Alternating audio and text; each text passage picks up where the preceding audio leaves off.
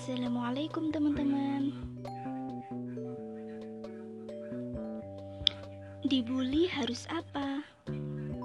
Kadang gak semua bully benar-benar bertopeng bully Kadang bully bisa bersembunyi dari kata Bercanda aja kok Kata mereka niatnya bercanda, menyapa Tapi kok jadinya terkesan menghina Terus harus apa? Dia makin menjadi marah dibilang baper. Jadi aku harus terima aja.